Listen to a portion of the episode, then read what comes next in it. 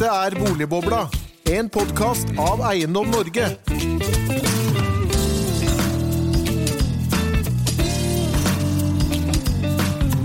Hjertelig velkommen til en ny episode av Boligbobla, denne gang om ny Eiendom Norge-direktør, januareffekten i boligmarkedet og tap og gevinst i også boligmarkedet. Med oss for å ta oss gjennom dette temaet har vi fått med noen utmerkede gjester. Ria Masters fra Prognosesenteret, velkommen til deg. Tusen takk. Og styremedlem i Eiendom Norge og administrerende direktør i Norvik. Er det bolig dere kaller dere nå? Korrekt. Martin Kyllegetto, velkommen. Ja, tusen takk. Og sist, men ikke minst, eh, velkommen til deg, Henning Lauritzen. Tusen takk. Eiendom Norge-direktør. Tusen takk. Det er ikke verst. Hvordan føles det?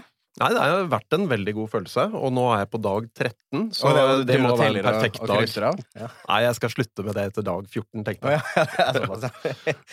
Så um, du fikk jo Du fikk jo Hadde jo en slags ilddåp her eh, 3. januar eh, med første slipp av boligprisstatistikken. Hvordan var det å debutere som, eh, som sjef for boligprisene? Nei, det, det var en veldig morsom debut, og og, samtidig så var det jo veldig uvant å stå på en pressekonferanse. Jeg har ofte stått på scener, men her fikk jeg et kjempedigert lys rett i ansiktet. Det må du bare bli vant til, tenker Ja, det, jeg. det må jeg bli vant til. Og så var det, det var veldig fascinerende å snakke til journalistene, fordi når jeg begynte å snakke, så fulgte ikke de med på meg i det hele tatt. De satt i telefonen og rapporterte hjem til redaksjonene. Det var noen tusen som så deg på, på TV. da. Så. Det, det var det jo. Så nei, det var fascinerende. Så, så hvordan endte boligmarkedet i 2019, da?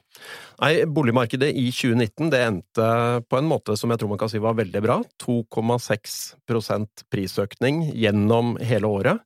Eh, Det er en moderat prisøkning som eh, man kan si er veldig bra for både boligkjøpere og boligselgere, og for norsk økonomi, ikke minst. At, eh, at det ikke tar av i noen retning. Og så var det en rekordstor omsetning. Det har aldri blitt omsatt så mange boliger i Norge som i fjor. Og fjor. 2018 var jo enda et rekordår, så vi overgår rekordene fra To, rekordår to rekordår på eh, rad. Det er jo godt nytt for, for våre medlemmer. Absolutt. Eh, Du har jo også begått en kronikk i Dagens Næringsliv i dag, har vi sett? Det er Ja. noen store, store linjer du drar opp for, for boligmarkedet i dette kommende tiåret. Ja, det er jo, er- det er jo sånn at det norske boligmarkedet fungerer i alt bra, men, men nå er det på tide å se på en del grunnleggende forhold. Fra beskatning til Og, og da tenker jeg ikke på mer skatt eller mindre skatt, men innretningen på, på boligbeskatningen.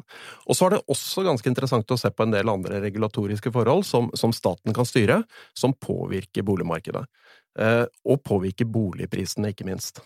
Eh, Vi er jo nå halvveis i januar. Eh, Du er jo den nye eksperten vår i boligbobla. Hvor, hva, hvorfor er det sånn at boligprisene alltid stiger i januar? Nei, i, eh, i desember så går boligprisene ned. Folk er eh, litt, eh, kanskje litt mindre interessert i å, å handle bolig. Interesserer seg mindre for boligmarkedet. Og januar det fører egentlig til at man kommer tilbake igjen på markedet for fullt. Det drar opp prisene. Eh, og så er, man, så er man på en måte på ny frisk, får tatt igjen eh, det som ble, ble glidd ut tidligere på året, og, og så går det oppover i januar. Martin, hvordan, hvordan stemmer det bildet Henning eh, maler opp her med, med deres erfaringer i Norvik? Jeg tror sånn generelt sett så stemmer jo det bra, for, men det som er interessant, er at vi hadde, vi hadde en ganske interessant opplevelse i desember. Hvor, eh, hvor vi hadde som myte, og, og også basert på forskning fra Housing Lab, at det ikke er noe desemberrabatt. Det okay. eksisterer ikke. Men nå må du jo forklare. Desemberrabatt, Ja, hva er det for noe, da? Nei, det er jo at eh, Det er kanskje en gjengs oppfatning at det er mulig å gjøre gode kjøp, da. Mm, rett før jul, liksom? Rett før jul. Eh, markedet er Desperasjonen Ja, og folk er slitne. Folk skal ja, ja, ja. Og at uh, det bare ligger hengere i markedet. Mhm. Eh, og at uh, det er mulig å få en rabatt da, i forhold Mm. til prisantydning. Så vi bestemte oss for at i år så skal vi pinadø dø motbevise det. Okay. Så, vi, så vi jobbet intenst med oppdragsgiverne våre. Eh, med å få eiendommene ut og teste markedet, og for å heller ta de av igjen. Mm. Det, det hadde vi en veldig god suksess med. Vi doblet omsetningen vår i desember. Vi så vel også at uh, desembertallene så var omsetningen et hakk over fra fjoråret. Ja, Desembertallene var, viste hun var nesten 5% høyere omsetning enn i, 2018. Det kan være i 2018. virkelighetseffekter, selvfølgelig, men Ja. Ja. Ja, nei, i hvert fall da, så, så så vi da at det Vi fikk, eh, vi fikk bra volum på det. Eh, og, så, og min hypotese er jo da at eh, folk som virkelig er på jakt etter eiendom, de tar ikke ferie i desember fra Men den der ene uken, av helligdagene, da Det er vel den uken det selges julaften og dagene etter. Den eh, uken i året det selges desidert minst bolig. Ja, og da hadde ikke vi mange transaksjoner heller, fordi meglerne våre trenger også fri. Men, eh, men De eh, tre første ukene. Mm. Ja, da var det bra trøkk. eh, Og også når vi så på kvadratmeterprisene, så var det bra. Men det du sier her nå, er at du, du, du kan liksom avkrefte at det er en desemberrabatt. Eh, Det får brukerne Det, det, det I hvert fall basert på mine få transaksjoner sammenligna med totalmarkedet, så, så, så syns jeg den, den forskningen til Housing Lab Men hvordan, hvordan gjorde dere dette altså i samarbeid med Housing Lab? Så hadde dere på en måte et slags eksperiment? da? Eller, Nei, det har de gjort for lenge siden. Okay. De har forsket på det. Ja, ok. Eh, Det stemmer. ja, eh, så, så vi bestemte oss for å teste det ut, Mm. da. Eh, men når det kommer til eh, effekten i januar, så er det jo Jeg husker fra makrotimene mine, eh, mikro-makrotimene mine når jeg studerte, at Mm. det er vel bjellesaus-mentaliteten. Folk går i flokk. Mm. Eh, de, tar, eh, de tar ferie i desember, og så bestemmer de seg for å begynne å kikke igjen i januar. Og det, det er det salg.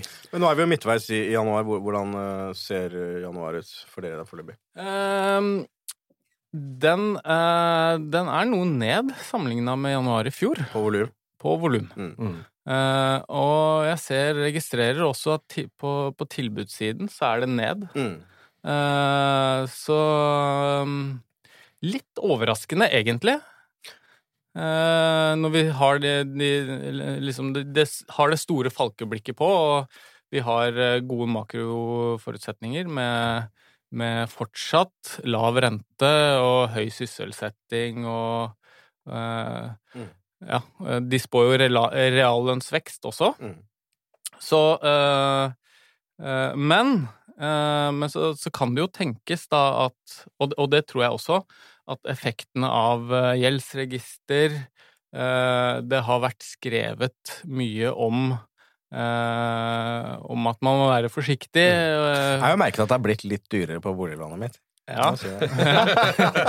Nei, men jeg tror nok at, uh, at uh, folk flest nå begynner å uh, å ta inn over seg at det er ikke bare om å gjøre å skaffe seg en bolig. Den de desperasjonen er, er over. Og vi ser også at folk bruker mer tid nå på å ta beslutningen. Mm. Og det er bra. Nei, vi, vi har jo kikket litt på, eh, på januar eh, så langt på tilbudssiden, og det vi ser er jo at landet under ett ligger helt likt med i fjor omtrent. Men, men i Oslo så er det en eh, nedgang i tilbudssiden som er eh, ganske tydelig. Og det samsvarer jo egentlig veldig godt med, med det du sier. Nå ser jeg Neria ivrer etter å få ordet her. Ja. Du har jo vært litt motstrøms der, eh, Neria. Hva, hva, hva er det må- du tenker om eh, boligprisene ved inngangen og boligmarkedet ved inngangen til et nytt år? Du må skille mellom omsetning, volum og prisutvikling når vi snakker om driverne, for det er eh, forskjellige drivere. Eh, sant? For dere meglere så er det kanskje et eh, dårlig marked eh, Et marked dårligere når det er få omsetninger, og når uh, volumet sånn sett er lavt. Mens for en eh, markedsanalytiker så vil man jo ofte tenke på et dårlig marked, tregt marked, der prisutviklingen er dårlig. Eh, vi har sett perioder der vi kan ha stort volum og mange omsetninger, men fallende priser. Så det er jo ikke et én-til-én-forhold mellom de to. Um, og, og de makroforholdene vi trekker inn nå med at vi har uh, fått fire renteøkninger fra høsten 2018 til høsten 2019. Vi fikk et gjeldsregister, ikke bare ett, vi fikk tre gjeldsregistre 1. juli i fjor. Um, og vi har en befolkningsvekst som har halvert seg fra 2012 frem til um, i fjor, og i 2018 også Så hadde vi jeg i avisen fødselsraten var nå på 1,56. Ikke sant? Det er, Det er 2,1 ganske som må til for å opprettholde befolkningen. Det er en dramatisk utvikling, egentlig. Men uh, akkurat det vil nok ikke påvirke boligmarkedet På før om 20 år, men uh, Men vi er jo opptatt av de lange driverne. det, det er vi. Og, og uh, de- dagens drivere er jo også sånn at befolkningsve befolkningsveksten rett og slett er halvparten av det den var for bare et par år siden. Så makrodriverne eh, tilsier jo at prisutviklingen burde være svakere enn det den har vært. Eh, de fleste boligprismodeller jeg har sett, hvis du plotter inn alle variabler du har, så tilsier de at veksten i fjor burde være lavere enn det vi så egentlig. Så vi har uh, hatt en boligetterspørsel som har uh, utviklet seg overraskende positivt. Um, og vi tror at i 2020 så kommer vi til å se en litt sånn tidsforsinket effekt av mye av det vi trodde skulle komme i 2019. Vi tror at uh, de fire renteøkningene først begynner å slå i nå. Det hadde vi ventet skulle skje i fjor, men vi har også sett at den gjennomsnittlige boliglånsrenta fra SSBs tall bare har økt med eh, halvparten av det styringsrenta har økt med. Så, så hele den, eh, de fire renteøkningene med, med, en kvarting hver er ikke tatt ut i full effekt mm. ut på boliglånsrenta ennå. Det kan skje nå fremover. Eh, og, så jeg tror egentlig at det er først nå i, i 2020 at vi kan se de negative effektene av det. Men jeg venter ikke noe boligkrakk, og jeg så jeg hadde blitt sitert på at jeg ventet flate boligpriser. Det er i min verden ikke nullvekst, men realboligpriser som utvikler seg flatt. Men uh, altså, du, du, du, Det var jo flere som et, etter at vi fikk fasiten for Oslos del, da, som endte på, på 5,5% i 20, 2019, så var det mange som var ute og spådde, blant annet vår styreleder Grete Meier, en uh, kraftig, kraftigere oppgang i, i Oslo du deler ikke den oppfatningen? Altså. Nei, jeg så det var prognoser på 6-7 prisvekst i år og enda mer fra noen mm. andre mm. enn en Grete. Ja, Rolf Thorsen i Selvåg som var ja, Mest. som mente det skulle enda mer opp enn det. Eh, og jeg syns bare det er veldig vanskelig å se hva som skal føre til en så sterk vekst, med mindre det er en forventningsdrevet vekst. Hvis det er sånn at eh, boligkjøpere er helt overbevist om at boligprisene kommer til å være høyere om fem år enn det de er i dag, eh, og det er det eneste de bryr seg om, så kan det føre til en såpass sterk prisvekst i Oslo. Men hvis vi ser på de fundamentale faktorene, så er det ingenting som tilsier at vi skal få en så sterk prisvekst i Oslo. Og en annen grunn Det du sier, er at boligprisene har egentlig ikke mer å gå på, selv ikke her i hovedstadsregionen? Ikke sånn som det ser ut nå. Uh, Ut ifra et litt sånt mer teoretisk perspektiv. Det modellene ikke klarer å fange inn, er jo denne, disse forventningene. Mm. Uh, som vi har sett før, som i 2016, styrte markedet i kanskje litt for stor grad. Så det kan vi oppleve igjen.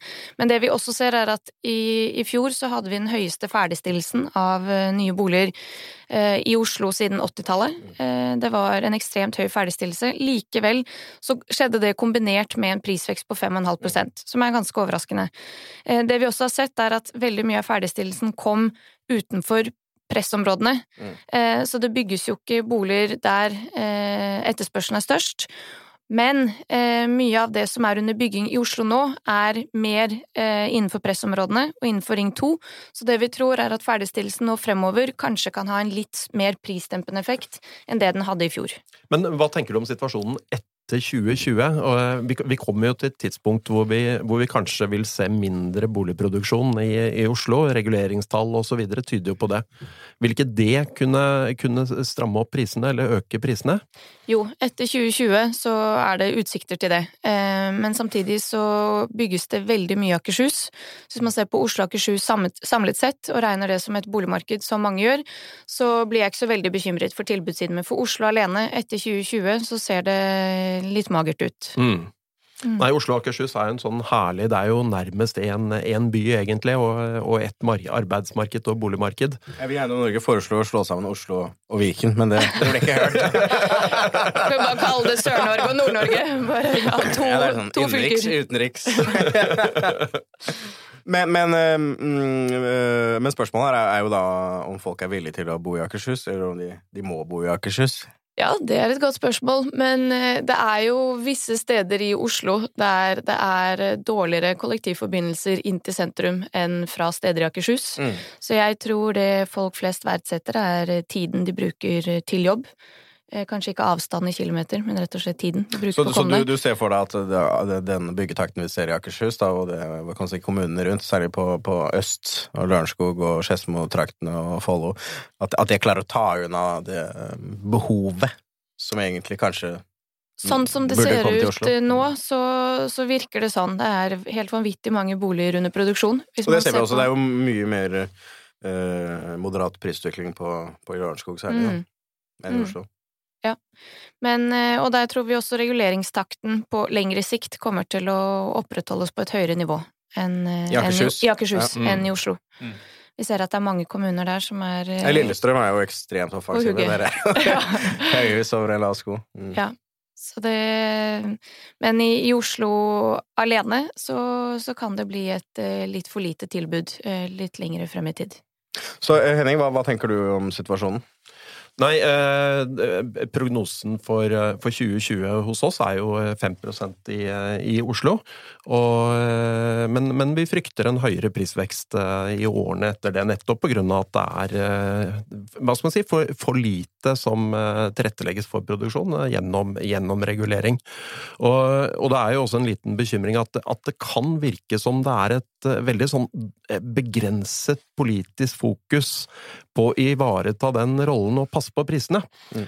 Og da Boligpriser er politikk, som jeg pleier å si. ja, ja, bo boligpriser er politikk, og det er klart eh, det fins veldig sterke talspersoner for veldig mange interesser som, som, som går imot det at man skal bygge. Alt fra NIMBYR til eh, antikvariske forhold, miljøforhold og andre. Og det, og det kan være vel og bra, men samtidig så gjør det på en måte at det, fin det fins ikke noen talsperson for boligbyggingen som eh, innenfor politikken som, som driver denne i tilstrekkelig grad. Og det, det savner vi nok eh, lite grann. Og dette er jo også noe som ikke bare har kommunalpolitisk betydning. Eh, som, som jeg viste til i den kronikken i, i Dagens Næringsliv i dag, så vil jo dette også kunne ha nasjonaløkonomisk betydning. Blir byene så dyre at de flinke hodene ikke har råd til å bosette seg der, så blir, går produktiviteten ned. Og det, det rammer Norge også.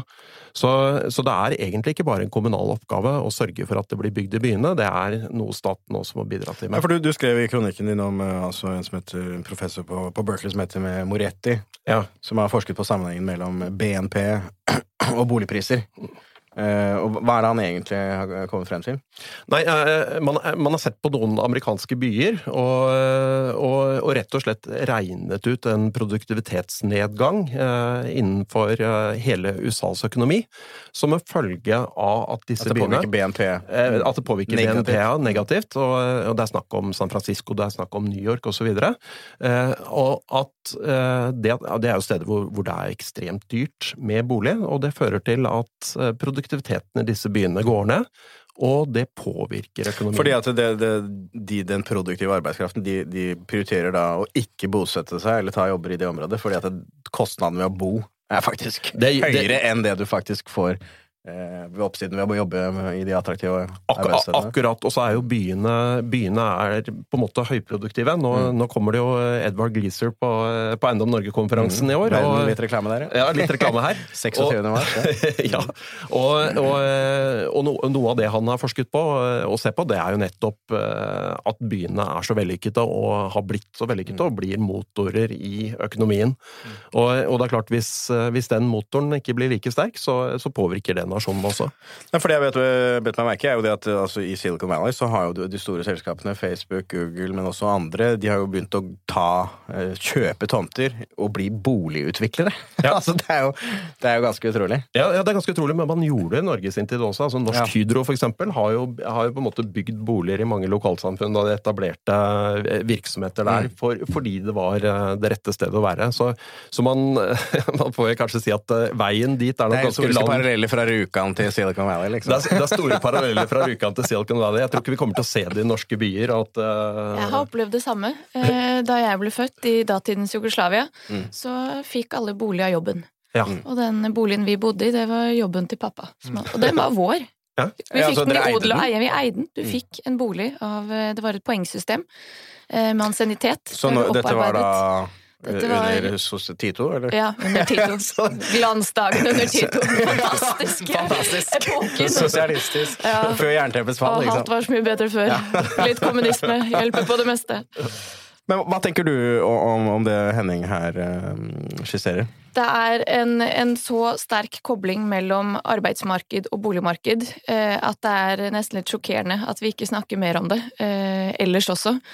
Um, og vi ser det jo allerede i, eh, i Oslo, at eh, mange av de yrkene vi er helt avhengig av å ha, eh, ganske nære sentrum, er yrker som er såpass lavtlønnet, og kombinert med boligpriser som er såpass høye, som ikke lar seg kombinere. Um, og det tror jeg kommer til å bli en, eh, en utfordring i mange år fremover også. Nå tror ikke jeg boligprisene skal uh, løpe løpsk fra inntektene så mye Mm. fremover som de har gjort historisk. Så du ser for deg at gapet mellom altså, inntekt og boligpriser kommer til å bli mindre. mindre i årene Det tror jeg. Men samtidig så er det ikke et problem som kommer til å forsvinne. Eh, men kanskje for Oslos del og, og de store byene i Norge, så, så blir ikke denne utfordringen noe større i årene fremover. Håper jeg. Mm. Og tror jeg. Men, eh, men at, det, at det er et tema man burde snakke om, og, og at det er noe som burde tas opp, det er jeg helt enig i. Ja, og jeg også deler den, eh, deler den eh, meningen der. Jeg tror heller ikke at vi kommer til å ha et nytt tiår med så sterk vekst. Eh, Men en ting jeg sitter og tenker på, er jo at disse altså eventuelt nye boliger, de skal jo realiseres. Og- bygges, ja. De skal bygges, eh, og det har en kostnad. Så, og nå er ikke jeg noe ekspert på eh, entreprenørbransjen og kostnivå der, men eh, de jeg snakker med, de sier jo at det er jo ekstremt dyrt å få de gjennomført Mm. i Oslo. Eh, og vi ser jo, det er jo En ting er jo å få det regulert, men vi ser jo også at det realiseres mange prosjekter utenfor Oslo.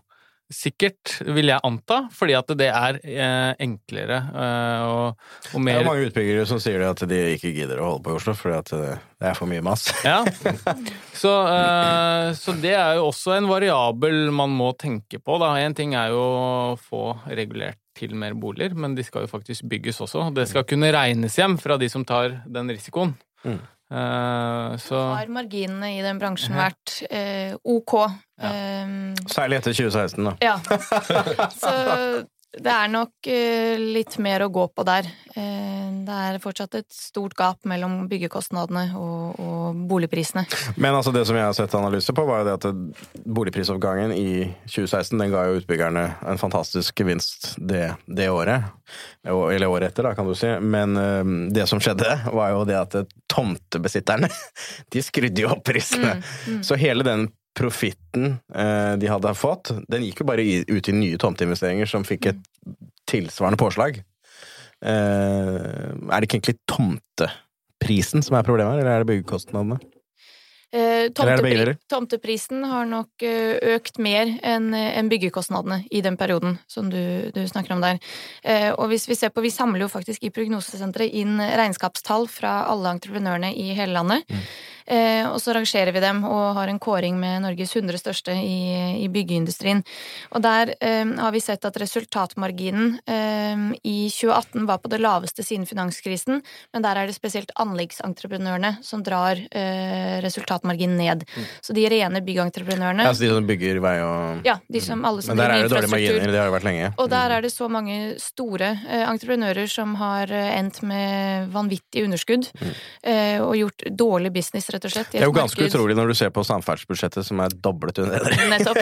Det er et marked som har en volumvekst Ja, på mellom 10 og 15% i året, og så sitter man igjen med tap. Ja, det jeg tror sånn For boligutviklernes del så, så vil vi, i hvert fall etter noe tid, så vil vi se helt andre og lavere marginer enn det vi har sett til nå. fordi det er jo stor grad tomt- og markedsprisutviklingen som har gjort at marginene har blitt mye høyere enn det mange av dem har planlagt med også. Når de har kjøpt tomten din, sine, så sitt, har du sittet på en stor tomtebank i en, en sånn prisoppgangsperiode, så er det klart så er det en helt annen fest. situasjon enn om du skal begynne å kjøpe nå og utvikle nå eh, i et, eh, hva skal man si, eh, mye mer moderat boligmarked. Mm. Enig. Men, eh, men Neria, du har jo også hentet ut noen tall for oss, for dette, du har jo, dere teller jo hvem som vinner og taper i boligmarkedet. Vi teller og vi teller. Teller så mangt. Hva er det du har talt? Du, vi har eh, sett på alle tinglysninger eh, i grunnboka, og så har vi sett på for hver enkelt transaksjon eh, hva kjøpte du boligen for, og hva solgte du den for. Så vi vet eh, i hvor mange år du har eid, og hvilken verdiutvikling den enkelte har hatt. Eh, det vi har tatt hensyn til, er eh, at du må ut med en dokumentavgift til staten dersom du har kjøpt selveierbolig, så det er eh, tatt hensyn til. Den jobber vi med å fjerne, da. den jobber dere hardt med å fjerne, og eh, det er mange gode grunner til å fjerne den, må jeg si. Alle er enige om det, bortsett fra finansministeren. Så der, der er jeg også enig. Eh, Jeg pleier ikke å uttale meg om noe som helst politisk, for jeg er analytiker og skal holde meg unna det. Eh, Men eh, det, det mm, vi har sett på, er boligavkastning eller verdiutvikling for den enkelte, som vi så har aggregert opp på, på kommuner, forskjellige delområder i landet. Men vi har også sett på tapsandeler. Hvor stor andel av alle salg i løpet av en viss periode har endt med tap. Og da, nå som 2019 er over, så har vi endelig tall for 2019. Det vi ser er at på landsbasis så var det 14% av alle de som solgte bolig i fjor, som solgte med tap. Mm. Og hva sier det deg? 14% Man har ikke noe forhold til det tallet, med mindre man sammenligner det En av ni og en halv, da. Det er det, men hva har det vært før? En og en halv, ti, Eh, Det vi ser er at det er en stigning fra de siste årene. Eh, Det har egentlig vel jevnt og trutt vært en stigning fra 2015 frem til og med i fjor. Eh, I 2015 så var tapsandelen på rundt 7 så den har doblet seg siden 2015 og frem til i fjor. Men vi er ikke tilbake til gamle høyder, som vi var under finanskrisen. I 2009 så var denne tapsandelen på 23 Nasjonalt, da. nasjonalt. Og så er det vanvittig store regionale forskjeller. Mm. Um, For Oslos del så var tapsandelen i fjor på rundt 6 Mm. uh, mens den under finanskrisen var på nesten 30 Mm. Og så har vi Rogaland i helt eh, motsatt eh, ende, der tapsandelen i fjor var på 50% Altså halvparten av de som solgte, solgte med tap. Og... Men, men du kan ikke si noe om størrelsen på tapene, eller er det, det er liksom Jo, eh, det har vi òg. Vi har arrangert eh, Og størrelsen på tapene kommer inn i det vi kaller eh, avkastning, eller verdiutvikling. Eh, så vi har sett på hvor mange som har opplevd å få 5 eh, verditap i året eller mer. Det har vi rangert som et stort tap, og der ser vi at den største andelen av de største tapene finner vi i Sola og Sandnes kommune. Og på jern hele Men det, det stemmer godt med det vi har hørt fra, fra banken, at det er veldig veldig mange i denne regionen som sitter med underbeheftede eller overbeheftede boliger. Mm. Altså hvor da lånet er mer større enn verdien på boligen. Mm. Og det sier jo, disse tallene sier jo også noe om egenkapitalsakkumuleringen. Mm. Eh, hvor den har gått bra. Hvem er det som har opparbeidet seg nok kapital mens de har eid den siste boligen til å putte det inn i en ny bolig igjen. Eh, og bare innad i Oslo så ser vi veldig store forskjeller. Eh, vi ser at de med de aller største gevinstene eh, finner vi faktisk på Manglerud. Ja. Der er det 40% av alle boligsalg som er endt med 10% eller mer avkastning i året. Som jeg ble helt sjokkert over. Mm. Startet på et lavt nivå eh, og fått eh, en del prisvekst og god timing. Så disse Mm. tallene forteller jo også litt om timing. Hvem Ja. er det som har vært gode på å komme seg inn og ut av markedet på riktig tid? Mm. Å komme seg ut av markedet betyr bare Og bare at man skulle kjøpe på Manglerud. ja, nettopp. De, de, de svakeste eh, tallene for Oslos del finner vi på Oslo vest. De, de svakeste. Både da når vi ser på de- tapsandeler, altså de høyeste tapsandelene, men også når vi ser på det vi har kalt median årlig verdiutvikling, altså hvor mye har denne boligen kastet av seg hvert år mens du har eid. De svakeste tallene er på Oslo vest. Mm. Så jeg er ikke representativ. Jeg kjøpte altså en bolig i 2014 for 5,4 millioner. Solgte jeg den i 20, eller vi da, for 11. På Oslo vest, antar jeg, siden du Ja. sier at du Ja. Det er Pusset litt opp, da. Ja. Og der kommer det med oppussing inn. Eh, For eh, i, i Norge så pusser vi opp for eh, rundt 85 milliarder kroner i året på boligene våre. Eh, Det er like mye penger som verdien av alle nye boliger under produksjon et gitt ja. år. Mm. Så de markedene er like store. Nyboligmarkedet Så og folk går på Maxbo og Byggmax like Ja. mye som like mye som det Som det entreprenøren. Som entreprenør, ja. Men det, det, vi har jo en, eh, en boligmasse som er ganske stor. Det finnes 2,5 million boliger i, i landet, eh, og den nybyggingen hvert år utgjør kun halvannen prosent av den Mm. totale boligmassen. Så det er helt naturlig at det er mye Men altså, som hvis du korrigerer for den, eh, de åtte milliardene, kan, så kan du kanskje si et snitt for hva den gjengse boligeier pusser opp i løpet av et type år eller en eierperiode, eller Vi har noen noe gjennomsnittstall her, men de blir så egentlig litt meningsløse, for noen Ja. pusser ikke opp i det hele tatt, Nei. og noen pusser opp for 300 000. Ja. Eh, mens vi har da noen snittall som ligger på et sted ja, i underkant av mellom 80 og og 100 000. Men det er litt sånn binært. Enten Mm. pusser opp, eller så pusser ikke opp. Ofte. Men hvis du, hvis du skal liksom oppsummere de, de tallene her, så er det Hva- Store regionale forskjeller. Ja. selv om vi ser at boligprisutviklingen har fått eh, veldig mye mindre regionale forskjeller enn det den Mm. hadde tidligere. Vi har jo gått fra en periode der eh, Oslo hadde 26 tolvmånedersvekst, Mm. eh, og Stavanger hadde vel nesten 15% tolvmåneders nedgang i Mm. samme periode, til at alle de store byene beveger seg i en klynge. eh, Et sted mellom ja, rundt 0 og Oslo da på høyeste endte i fjor med 5,5% Så prisutviklingen har blitt mindre forskjellig på regionene, men, men eh, realiseringen, hvis man kan kalle det det, tapsandelene og denne avkastningen har fortsatt veldig store regionale forskjeller i seg. Og for å oppsummere kort, så har da tapsandelen eh, økt jevnt og trutt siste fire-fem år, eh, og det er 14% av alle som solgte i fjor, som solgte med tap. Så, men altså med mer moderat boligprisutvikling så forventer du også at denne andelen vil holde seg noenlunde stabil, da, sannsynligvis? Eller?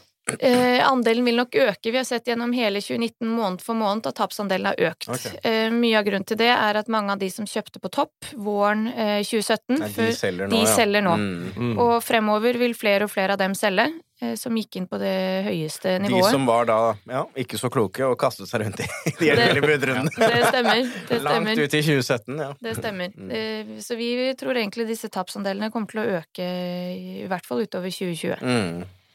Kanskje også 2021. Jeg vet ikke helt hvor lang Så, så du kan jo egentlig avkrefte det myten om at man alle tjener på i boligmarkedet? Alle tjener ikke på å være i boligmarkedet. De fleste tjener på det. Eh, og vi ser også at de som har eid bolig i kort tid, som vi Mm. her har definert som tre år eller kortere, de er eh, både de som er de mest heldige, og de som er de mest uheldige. Mm. De har eh, hatt den sterkeste avkastningen og den aller svakeste. Mm. Så der finner vi den mest på en måte volatile utviklingen. Så, så man, skal, man skal kjøpe for å bo, er jo Det vil jeg alltid oppsummere med. Mm. Kjøper du for å bo, så er det et godt valg uansett. Men er det en ren investering, så fins det mye annet du kan investere i som også Det er klart, kostnadene er jo så høye. Men Martin, Martin, hva tenker du om Nei. denne analysen her? Nei, den er interessant. Eh, og egentlig litt sånn for å følge opp det du sa nå. Eh, kjøpe for å bo. Eh, ta vare på det du kjøper. Eh, en liten sånn rapport fra, fra Bakken eh, viser at de eiendommene som selges, da Uh, Enten det er fordi det er en reetablering, eller du går fra en livssituasjon til en annen, eller du trenger noe større eller mindre, osv. Så, så så har vi sett en veldig klar tendens nå gjennom høsten at uh, de eiendommene som er godt tatt vare på, altså pusset opp og skikkelige, uh, de går kjapt. Mm. De eiendommene som, eh, som ikke er det, de tar det lengre tid å få solgt. Eh, så, så det er jo, kan jo være en oppfordring til de som skal inn i boligmarkedet. Ta vare på det du kjøper. Det er jo også en kostnad ved det, å pusse pusse jo. opp. Mm.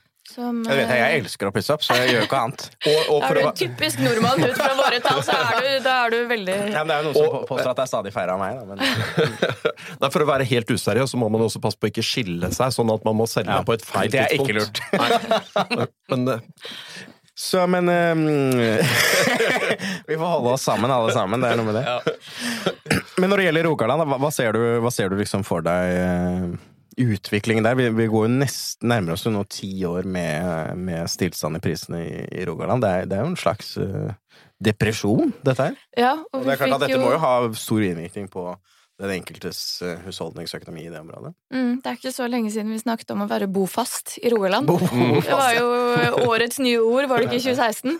Eh, oljeprisen falt jo fra 2014 til 2015, og så var det vel i 2015 vi fikk den sterkeste økningen i arbeidsledigheten utover også i 2016 i Rogaland. Eh, og mange av de som mistet jobben, hadde rett og slett ikke mulighet til å flytte derfra, fordi boligprisen hadde falt så mye, eller altså verdien på den boligen de satt på, at det ville ikke lønne seg å selge den med tap for å flytte et annet sted. Og det viser igjen sammenkoblingen mellom arbeidsmarked og boligmarked, mm. som dukker opp uh, stadig vekk. Uh, og det vi har sett nå i, i Rogaland, er at arbeidsledigheten har falt tilbake til det samme nivået som den var på før den økningen igjen. Mhm. Så arbeidsledigheten i, i, i Rogaland er nå igjen på det nivået den var på i, i årene 2014 og før der igjen. Eh, og boligprisene har stabilisert seg, men er ikke tilbake igjen til det nivået eh, de var på før, før fallet i, i oljeprisen og, og økningen i arbeidsledigheten. Eh, så vi tror vi fortsatt kan stå overfor et par år til med økning i denne tapsandelen, Mm. fordi det er en sånn hale her som henger ved. Eh, at du dukker først opp i tapsandeltallene når du faktisk selger boligen med tap. Mm. Du kan jo sitte på en bolig med en eh, papir eh, Med et papir, papirtap, men det er først når du selger den at vi, at vi ser dette i, i våre tall. Så jeg er redd dette ikke er helt over eh, for Mm. Det var jo kanskje en slags sånn boble som bygget seg opp der også. Eh, Det var de høyeste prisene og den sterkeste prisstigningen opp til 2013. Og det som er interessant, er at Mm. det bygges fortsatt en del der. Hvis vi sammenligner med det vi har så er det vel Ja. nesten også. Ja. Sammenlignet med boligbehovet, Um, hvis vi ser på befolkningsveksten og hvor mange personer som bor per husholdning, så er boligbyggingen der uh, fortsatt litt over det det er behov for. Og det hjelper jo ikke akkurat på prisene. I, I statistikken vår så hadde jo Stavanger og omegn rundt eh, Det var vel en- en 2,7% ned i fjor. Og eh, vi, vi tror en viss eh, styrking til neste år, og, og har jo anslått 0% der. For volumet, transaksjonsvolumet, var vel litt opp. Ja, ja volumet var opp, og, og på tilbudssiden så gikk det ned de siste tre månedene på året i fjor. Så, så inngangen kan jo se litt lavere ut her. Mm. Men det blir spennende å se. Mm. Det er jo Kan jeg spørre dere om noe som jeg har ja, lurt ja, på? Det er lov å spørre på for gjestene også. Ja, er det lov? Ja, det må være lov. Hvorfor er omsetningstallene så høye? I Norge? Ja, hvorfor har vi nå et rekordår? 2019 ble rekord etter 2018. Hvorfor er utviklingen i antall omsetninger så positiv når vi har en befolkningsvekst som har blitt så mye svekket? Hvorfor handler vi plutselig boliger i så mye større grad? Er det fordi vi rett og slett bor kortere i hver enkelt bolig i snitt? Fordi vi er mer urolige? Eh, Jeg har prøvd å Flytter opp oftere, er det du sier? Ja. Ja, er det Hvorfor Det vil jo være veldig bra for våre medlemmer, da, om folk flytter oftere. Ja, men det ser dere jo i deres tall, at omsetningene har jo økt, så det er bra for deres medlemmer. det er på en måte statistikken. Våre bransjer er det jo veldig Ja, fest. det er bra, men hvor, hva er driveren? Mm. Hvorfor i all verden Har du kjøper og selger vi totalveksten? 3 vekst i volumet i året. Mm. Jeg er klarer ikke helt å Nei, men jeg, jeg kan prøve meg. Ja, Eh, for jeg, Fyr løs. jeg har tenkt mye på det. Mm. Og etter sport og politikk så er det eiendom det skrives mest om. Det er, eh, det er på alles lepper. Eh, Det har blitt et utstillingsvindu på sosiale medier. Eh, Vi ser at interesse for eiendom fortsatt Altså interiørmagasiner osv. Det holder fortsatt stand i kioskhylla hos Narvesen, Mm. mens alle andre typer magasiner bare dropper. Mm. Altså, det er en enorm interesse. Så jeg tror at det, det har blitt en sånn veldig eh, Det er mange variabler, selvfølgelig, som jeg, men, men jeg tror det har blitt en del av vårt DNA. Det, at vi skal, eh, vi skal Vi skal utdanne oss, vi skal få oss jobb, og så skal vi skaffe oss et sted å bo. Men når du har skaffet deg det, hvorfor eh, skal du skaffe deg et nytt et hele tiden Jo, i mye større grad Fordi nå? drømmen slutter ikke. Den, men, den men altså flytte, flytte, En karriere, på Det sett og er en karriere. Du, Det har blitt eh, en hobby, rett og slett. Å det kjøpe og selge en bolig. Men altså, Mm. flyttemønstrene er jo, selv om øh, det liksom sies at folk flytter mer, så er flyttemønstrene Det er jo ganske få små økninger, i hvert fall de siste tallene jeg har sett, på, på fly, øh, flyttemønstrene. Altså, folk er fortsatt ferdig flyttet, som det heter, når de fyller 40.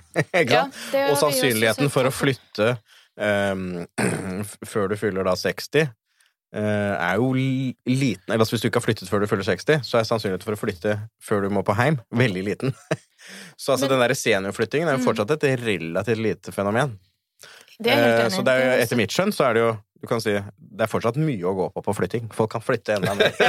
Særlig etter den seniorgreia. For dette, dette handler ikke bare om hva skal si, at det er positivt for eiendomsmeglerbransjen, selvfølgelig, Mm. men det er jo også positivt for, eh, for eh, det du kan si en optimal bruk av boligmassen. Det er jo ikke en optimal bruk av boligmassen at et par vi... på to, barn, to, to voksne med barn ute av redet blir boende på en stor Nei. familiebolig i 30 helt år, ikke sant? Ikke for livskvaliteten din heller. Sannsynligvis ikke. Men er det det vi har sett i, i 2018 og 2019? Altså Nesten 3 omsetningsøkning er jo ganske Det er mye. Eh, Jeg har en sånn eh, tanke om at det kan også ha sammenheng med at vi har et stabilt Det tror jeg også. eh, marked. Mm. Mm. Som, som gjør at det er forutsigbart. Man frykter ikke å gå inn og ut av det, og det, det gjør at noen som ellers er på den forsiktige siden, eh, tør å hoppe ut. Og hvis du ser på tiårsgrafen på, på prisutvikling, altså det er jo hele tiåret og lenger tilbake enn 2010 også, eh, hele 2000-tallet, så har det jo vært enorme svingninger opp og ned i boligprisene. Det er jo først nå de siste to og et halvt årene at vi har sett en noenlunde utvikling i takt med prisutvikling i samfunnet for øvrig, i det norske boligmarkedet. Mm. Ja. Og det er klart at den forutsigbarheten vil jeg anta gjør det mye trygg, tryggere å Mm. gå inn og ut, da. Det er jo faktisk eh, en eh, flat prisutvikling, selv om det har vært opp og ned de siste tre år, så er jo nivået i dag på landsbasis på nesten helt samme nivå som det var på for tre år siden. Ja, indeksen er vel Indeksen. litt lavere enn toppen, så vidt jeg husker. For Oslos del er den lavere enn toppen, men på landsbasis Ja, det er husker jeg, jeg husker ikke, Ja, men det kan men det er mm. omtrent samme boligpriser i dag som det var for tre år siden. Mm. Mm. Og det er ikke mange andre treårsperioder vi opplevde. Eh, Egentlig en nullvekst gjennom tre Mm. år. Eh, Men jeg synes det er, hadde vi hatt en befolkningsvekst, hadde det vært lett å forklare med det. Flere mennesker, flere kjøper og selger av hverandre. Men med en så mye svakere befolkningsvekst Men vi hadde jo en gjest her, altså Thomas von Bach i SSBs forrige episode, og, det han sa, er jo det at um, nordmenn prioriterer jo boligkonsum. Altså de tar ut velstandsveksten sin, i, som, altså, som er jo egentlig det Martin sier, eh, i, i økt konsum på bolig. Og det er jo greit. Det er det vi velger å prioritere. Ja. ikke sant? Men det trenger jo ikke å være økt boligkonsum at man eh, kjøper og selger bolig oftere. Du Jo, kan jo kjøpe deg ned Ja, i ned. markedet, og så vil jo dere se. få flere omsetninger. Mm. Så det er ikke er- noe en-til-en-forhold der heller. Eller for sånne som deg, da, Erik, som elsker å pusse opp. Når du er ferdig, må du jo videre til neste bolig. Ja, nå, nå blir det vel der hvor jeg er nå, da, men Du driver de der oppussingstallene våre opp, du. Ja, det- jeg- ikke hvem som er ikke. synderen her. det er bare at jeg elsker Maxbo. Så. Er dette betalt reklame? Eller? Nei, det er ikke det. Jeg kan si bygg med Obs bygg også. Så. Ja, bare sleng på et par navn til for å være innafor. Denne Men det sendingen er er ikke sponset av er ikke sponset av noen. Det er bare vi har uavhengighet. Men uh, dette er fantastisk. Eh, Vi går inn for landing. Eh, mm, vi har jo noen faste spalter her i Boligbobla. Eh, og det er jo mm, Vi spør alltid gjestene. Din første bolig, hva følte du, og hva var det? Neria, du først. Jeg kjøpte min første bolig eh, no månedsskiftet november-desember 2014. Og da kjøpte jeg på eh, Bjerke. Årvoll Bjerke Borrebekken-ish der. Eh, og det som var litt spesielt, var at jeg aldri hadde vært i det området før i hele mitt liv. Jeg hadde vokst opp på andre siden av byen, og så skulle jeg ut i boligmarkedet, og så var det ingen boliger jeg kunne kjøpe med min eh, eh, nybegynnerlønn. Eh, så var jeg på Nå kommer ingen til å tro meg, men det har jeg bevist til mine kollegaer. At jeg var med i 50 budrunder Ja. den høsten. Men jeg var, jeg var så nøktern, jeg var så forsiktig, så jeg var jo aldri den som ga mest. Så det var mest. ikke sånn at du liksom til den tredje så gønna du på? Nei, nei, nei, Det er ikke en av de med tap her. Nei, å gud, nei. Dette var kalkulert. Her sitter du med regnearket. Her sitter jeg med Excel-arket mitt foran meg, og nei da. Men, så jeg, jeg var med i hele 50 budrunder, og så fikk jeg til slutt eh, leiligheten til 200 000 under prisantydning. Ja, Var så det lønner fornøyd. seg med de regnearkene. Ja, Men da solgte du det kanskje? Og så solgte jeg den tre år etterpå med halvannen million i gevinst. Wow. Uten å ha brukt en krone på oppussing. Fantastisk. That's the way to do it. Ja. Så bare kom til meg om råd. Så det føltes med andre ord veldig bra. Men du traff jo da hva skal du si, 2014. Det var et veldig godt tidspunkt å komme seg inn i markedet. da. Ja, Gitt at Det da var den. Og så 15, traff både jeg- 15 og 16 var jo veldig Ja. Seikor. det var det. Og så traff jeg på et par som hadde kjøpt seg en enebolig eh, før de hadde solgt leiligheten. Og de var veldig samvittighetsfulle, og de hadde ikke sovet mange netter på rad fordi de hadde boliglån, eh, to boliglån. Eh, og nå er ikke jeg kynisk og utnytter meg av det, altså, men, men jeg, tror, jeg tror de følte seg veldig presset. Og jeg hadde god tid, så da gikk de med på Ja, det- det er 200 sånn- that's the 000 under prisantydning. Det er min første bolig. Men Martin, og du? Din Jeg- første bolig? Jeg var, da, jeg var 19 år og 19 kjøpte faktisk. en enebolig i Bærum. Yes. Er det sant? Ja, Det er ikke, det er ikke standard. Rett ut av militæret, sammen med broren min, som da var ett år yngre. Så det var, ja, men det var eh, Da hadde jeg Det var jo ikke risikoavers. Jeg er jo utdanna Jeg er statsautorisert revisor, så jeg har blitt mer risikoavers med året. Men, men, eh, men da, da var jeg risikosøkende. Ja. Uh, så jeg, vi fikk uh, Vi gikk i banken med mutter'n som sikkerhet, og så fikk vi kjøpt oss et Men hus. enebolig når du er 19 år i Bærum, det er jo liksom Ja, Alle i Bærum flytter jo når de er 19 år. Jeg er jo fra Bærum selv. Altså, Skulle sikkert ha sånn partyhule. Så Ja, så, så broren min og jeg, vi, vi kjøpte det, og så pussa vi opp, og så leide vi ut uh, noen studenter mens vi bodde der selv ja, ja. Uh, og studerte. Uh, så det var et veldig greit regnestykke for oss. Og så solgte dere, eller bor dere fortsatt? Eller er? Nei, så solgte jeg det eh, tre år etterpå. Og så ble Sankthanshaugen, og så ble det Majorstua, og så nå er jeg tilbake igjen i Bærum. Ja, ja. Ja. Så bra, så bra. Ja. Nei, men det er fantastisk. Eh, vi går inn for landing. Vi kommer, neste episode kommer i februar. Det skal handle om uh, hyttemarkedet, for da kommer vi med ny pri, fritidsboligprisstatistikk. Uh, så da Takk til våre gjester. Takk til Neria. Takk til Martin. Takk til Henning. Takk til meg. Takk til alle. Takk til lytterne. Takk til Vi alle. høres.